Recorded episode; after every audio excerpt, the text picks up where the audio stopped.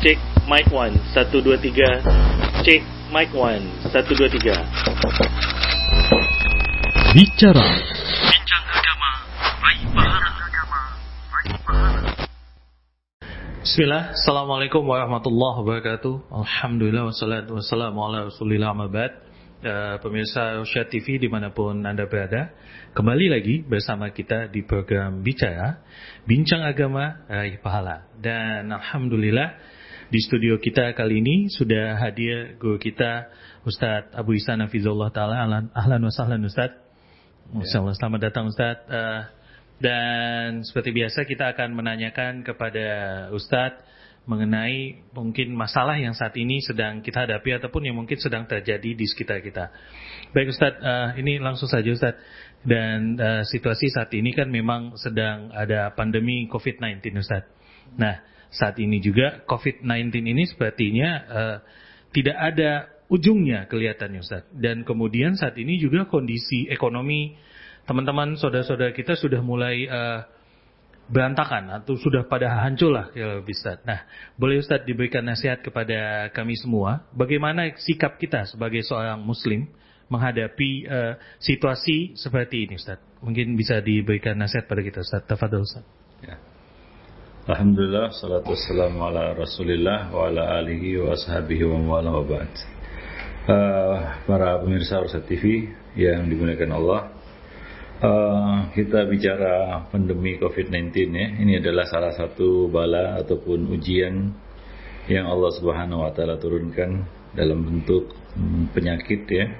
Kita yakin bahwa uh, Nabi kita bersabda, "Ma anzalallahu da'an illa anzalallahu ma'ahu sifa. Tidaklah Allah turunkan penyakit atas manusia, melainkan Allah akan turunkan juga obat bersamanya. Ya, tidak ada penyakit yang tidak ada obatnya kecuali dua ya, yaitu pikun dan mati. Ya, nah demikian. Uh, di dalam agama kita uh, tentunya uh, ada juga kita katakan pengobatan-pengobatan yang bersifat nabawi ya. Nah, seperti misalnya sabda Nabi uh, ahabbatus sauda, daun likulida. Habas sauda itu jinten hitam ya, yang dikenal di sini dengan sebutan jinten hitam atau habas sauda itu adalah obat dari segala penyakit illa sum kecuali uh, mati ataupun uh, pikun ya itu tidak ada obatnya. Jadi kita yakin ya bahwa Allah uh, telah menurunkan ya, bersama penyakit itu obatnya. Aliman alimaman alima jahilaman jahil. Ada yang tahu obatnya dan yang tidak tahu. Uh, tentunya kita juga yakin bahwa uh, Allah Subhanahu wa taala uh, tidaklah menurunkan satu musibah atas manusia melainkan ada dua hal itu untuk membersihkan dosa-dosa manusia ya itu itu yang pertama yang kedua adalah untuk uh, sebagai uh, peringatan bagi manusia. Ya, kemudian uh, musibah itu juga turun karena dosa manusia. Jadi tidak terlepas dari uh, kesalahan dan dosa yang dilakukan oleh manusia itu sendiri. Ya, nah kemudian bagaimana kita seorang Muslim menghadapi uh, masa pandemi ini? Ya, sering kita sampaikan juga dalam beberapa kesempatan bahwa seorang Muslim tidak uh, takut ya ataupun khawatir berlebihan terhadap uh, penyakit ini. Ya karena seorang muslim ya dengan aturan hidup yang telah digariskan Nabi itu siap untuk menghadapi uh, kondisi dan ke, uh, kita katakan uh, ke, kemungkinan apa pun. Ya da, dan sunnah Nabi Wasallam itu kalau kita terapkan di dalam kehidupan ya tentunya akan membawa manusia itu kepada kehidupan yang baik ya. Kita lihat sekarang beberapa sunnah ya yang dilakukan oleh manusia hari ini ya. Seperti mencuci tangan yang menjaga kebersihan ya. Nah dan beberapa hal lainnya. Padahal di dalam uh, sunnah Nabi kita Muhammad sallallahu alaihi wasallam itu kita diajarkan misalnya mencuci tangan. Ya, bangun tidur kita tidak mencelupkan tangan ke dalam bejana kecuali setelah kita cuci terlebih dulu tiga kali di luar bejana. Itu diajarkan oleh Nabi kita Muhammad Sallallahu Alaihi Wasallam. Nabi menjaga kebersihan mulut ya dengan bersiwak, Nabi menjaga kebersihan mata dengan bercelak. Kita tahu bahwa uh, tempat-tempat ataupun uh, kita katakan sarana media masuknya virus ini ke dalam tubuh manusia itu ada tiga ya tangan mulut dan mata, ya. Nah dan hidung juga yang empat ya.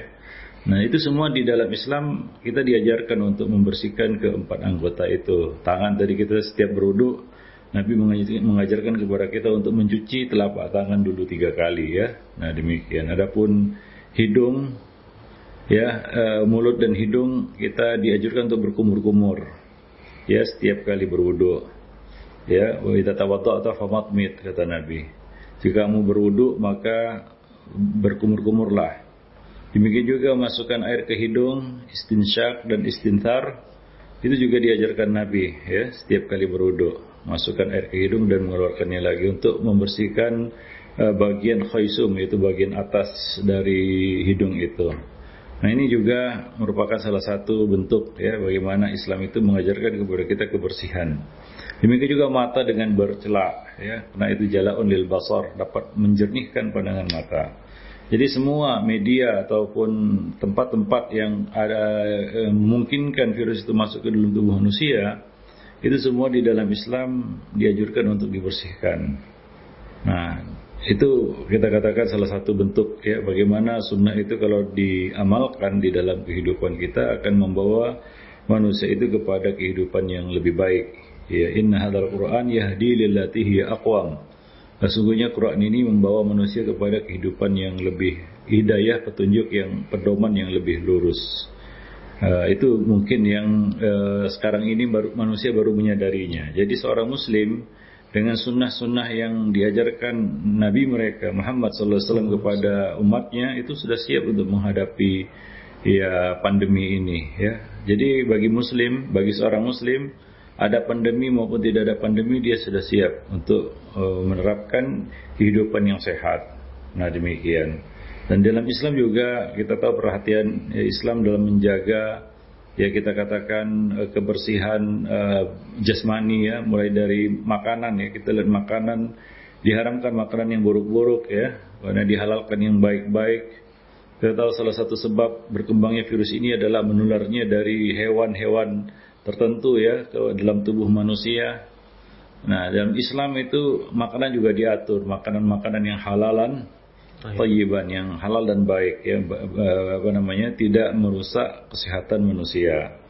Namun demikian juga kita katakan uh, pola hidup bersih ya lingkungan yang bersih. Ya seperti kata Nabi ya tahiru afniyatakum fa innal yahud la yutahiru afniyatahum bersihkanlah pekarangan kamu karena orang Yahudi tidak membersihkan pekarangan mereka. Jadi muslim itu dirinya bersih, lahir dan batin, ya jasmani dan rohani lingkungannya bersih ya. Nah dan hidup ya dengan kebersihan itu.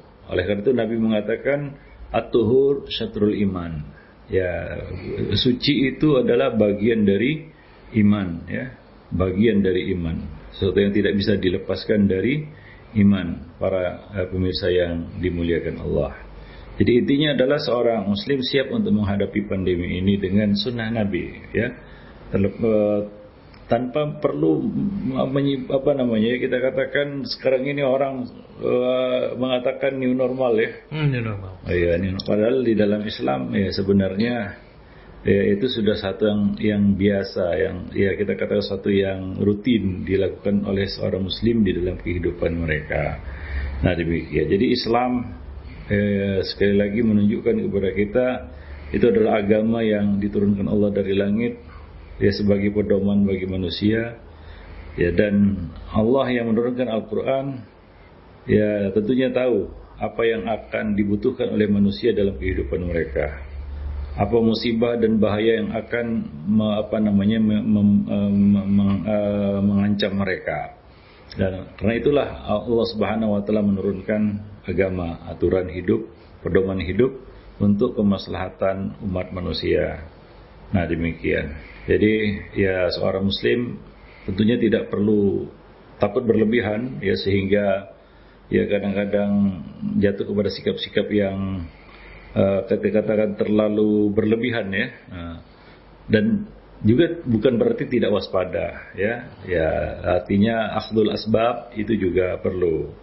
Ya nah demikian. Wallahu alam bisawab jadi uh, dengan dengan itu dia tidak perlu cemas yang berlebihan. Karena uh, apa yang kurang dalam agama kita ya secara uh, kita katakan uh, fisik ya jasmani ya hidup muslim itu diatur sedemikian rupa seperti yang kita sebutkan tadi secara rohani ya kita ada zikir pagi dan petang. petang. Ya, kita tahu bahwa virus ini nggak nampak.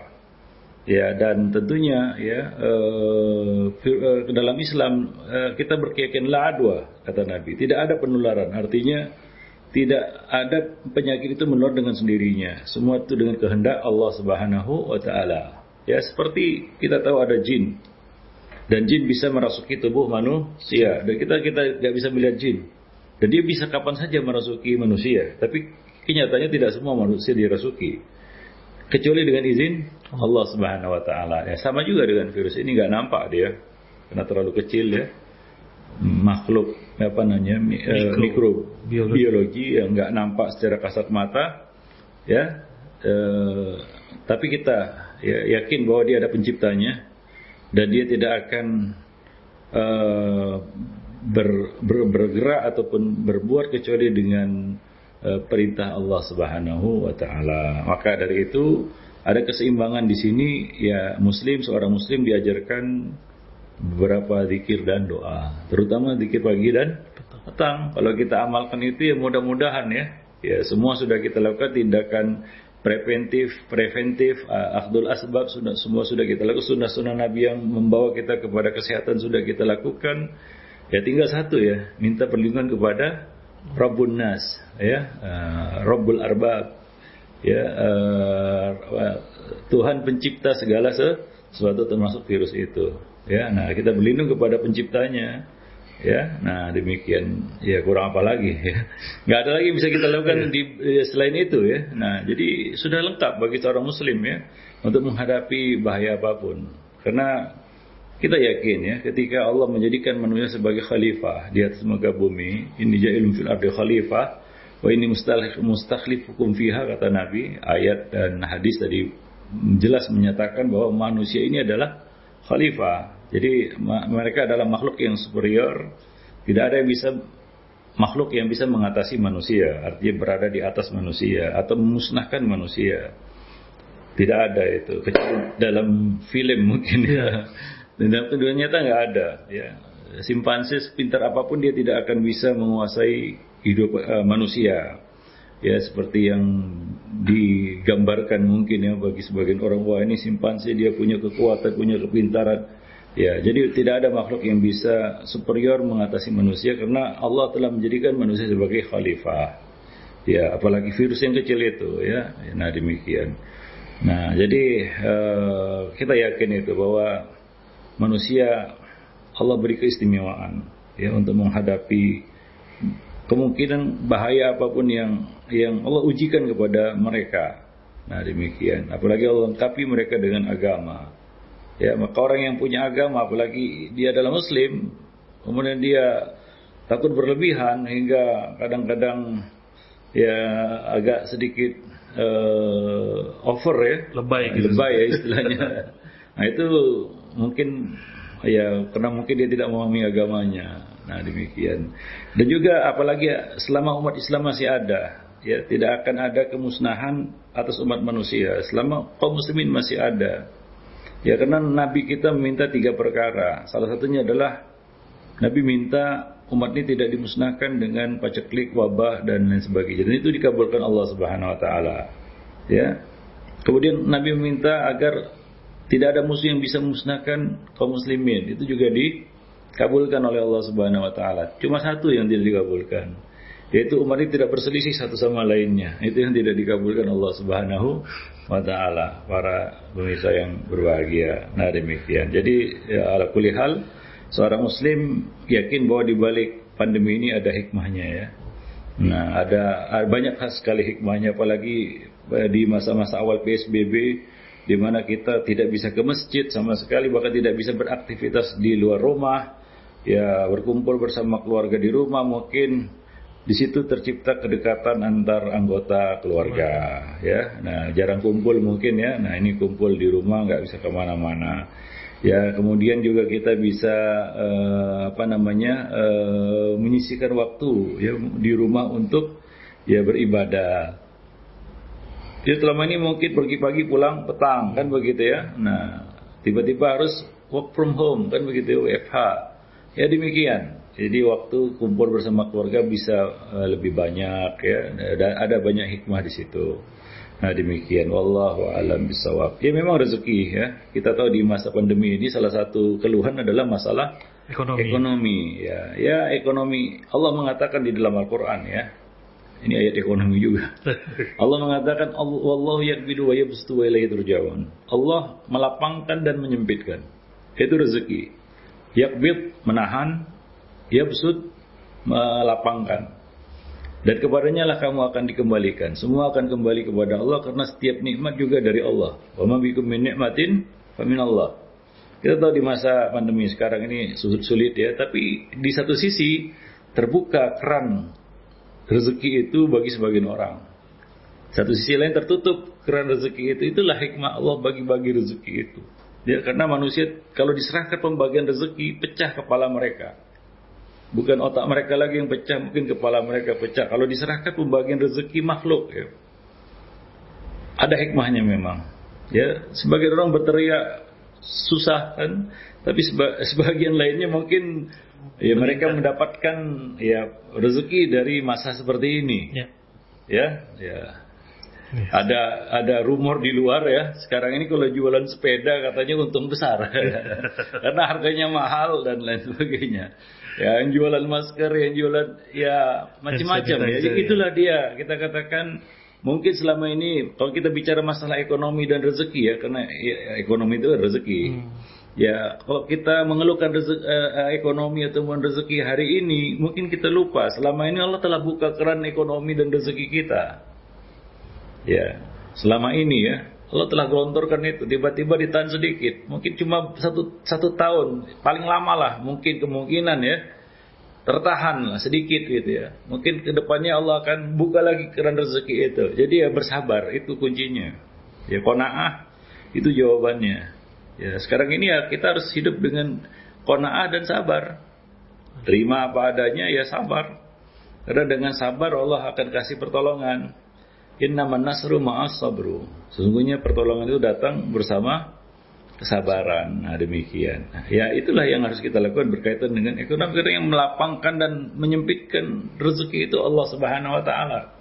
Ya. Nah, sebagian orang memang mengeluh, tapi sebagian lain mengatakan alhamdulillah pandemi banyak rezekinya. Kan gitu ya.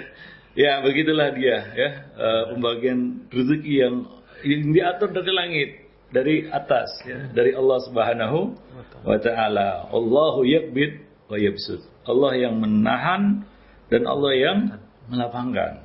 Ya.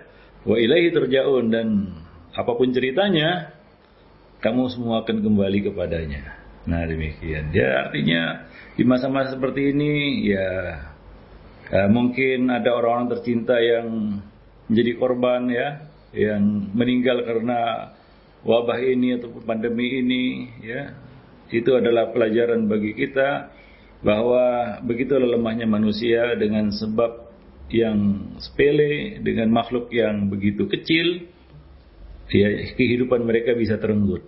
Ya itulah lemahnya manusia. La haula wala quwata illa billah. Tidak ada daya dan upaya kecuali Allah. Innal quwata lillahi jami'an. Semua kekuatan itu hanyalah milik Allah Subhanahu wa taala. Kita lihat virus ini tidak pandang bulu, ada kadang-kadang yang sehat kena ya. Yang penyakitan lebih kena lagi kan ya, begitulah dia.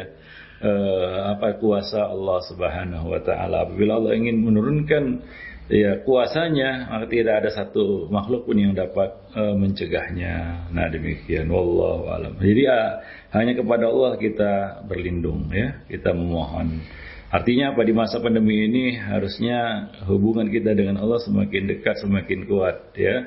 Ya karena kondisi yang memang susah kan mungkin bagi sebagian orang.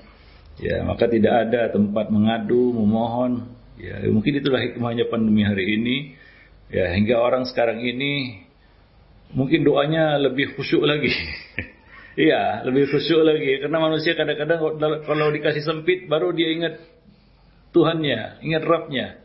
Ya, selama ini mungkin Tuhan ataupun Rabb jauh dari kehidupannya di masa pandemi dia wah ya kita katakan kembali kepada Allah Subhanahu itu hikmahnya, salah satu hikmahnya, ya. Nah, kemarin masjid tutup beberapa uh, bulan ya, ketika dibuka wah rame Ya, padahal sudah dijarang-jarangkan itu sholat, tapi masjid ramai. Ya, di kompleks saya itu sholat Jumat seperti sholat Idul Fitri. Sampai keluar-luar gitu ya. Kenapa? Karena jarang-jarang. ya dikasih apa namanya distansi ya, social, social distance. Nah, ya, begitulah. Ya kita katakan kondisi yang yang Allah eh, apa namanya ujikan kepada kita hari ini ya. Nah demikian. Uh, wallahu alam bisawab. Masya Allah, jazakallah ya Ustaz atas faedahnya. Jadi buat pemirsa Syed TV, seperti yang disampaikan tadi, tetap kita harus siap dengan kondisi yang sekarang dan untuk uh, ekonomi kita harus lebih sabar dan terus meminta kepada Allah ya Ustaz ya. Yeah. Baik, kalau begitu kita tutup dan doa kafaratul majlis. Subhanakallahumma wa bihamdik, asyhadu an la ilaha illa anta. Assalamualaikum warahmatullahi wabarakatuh.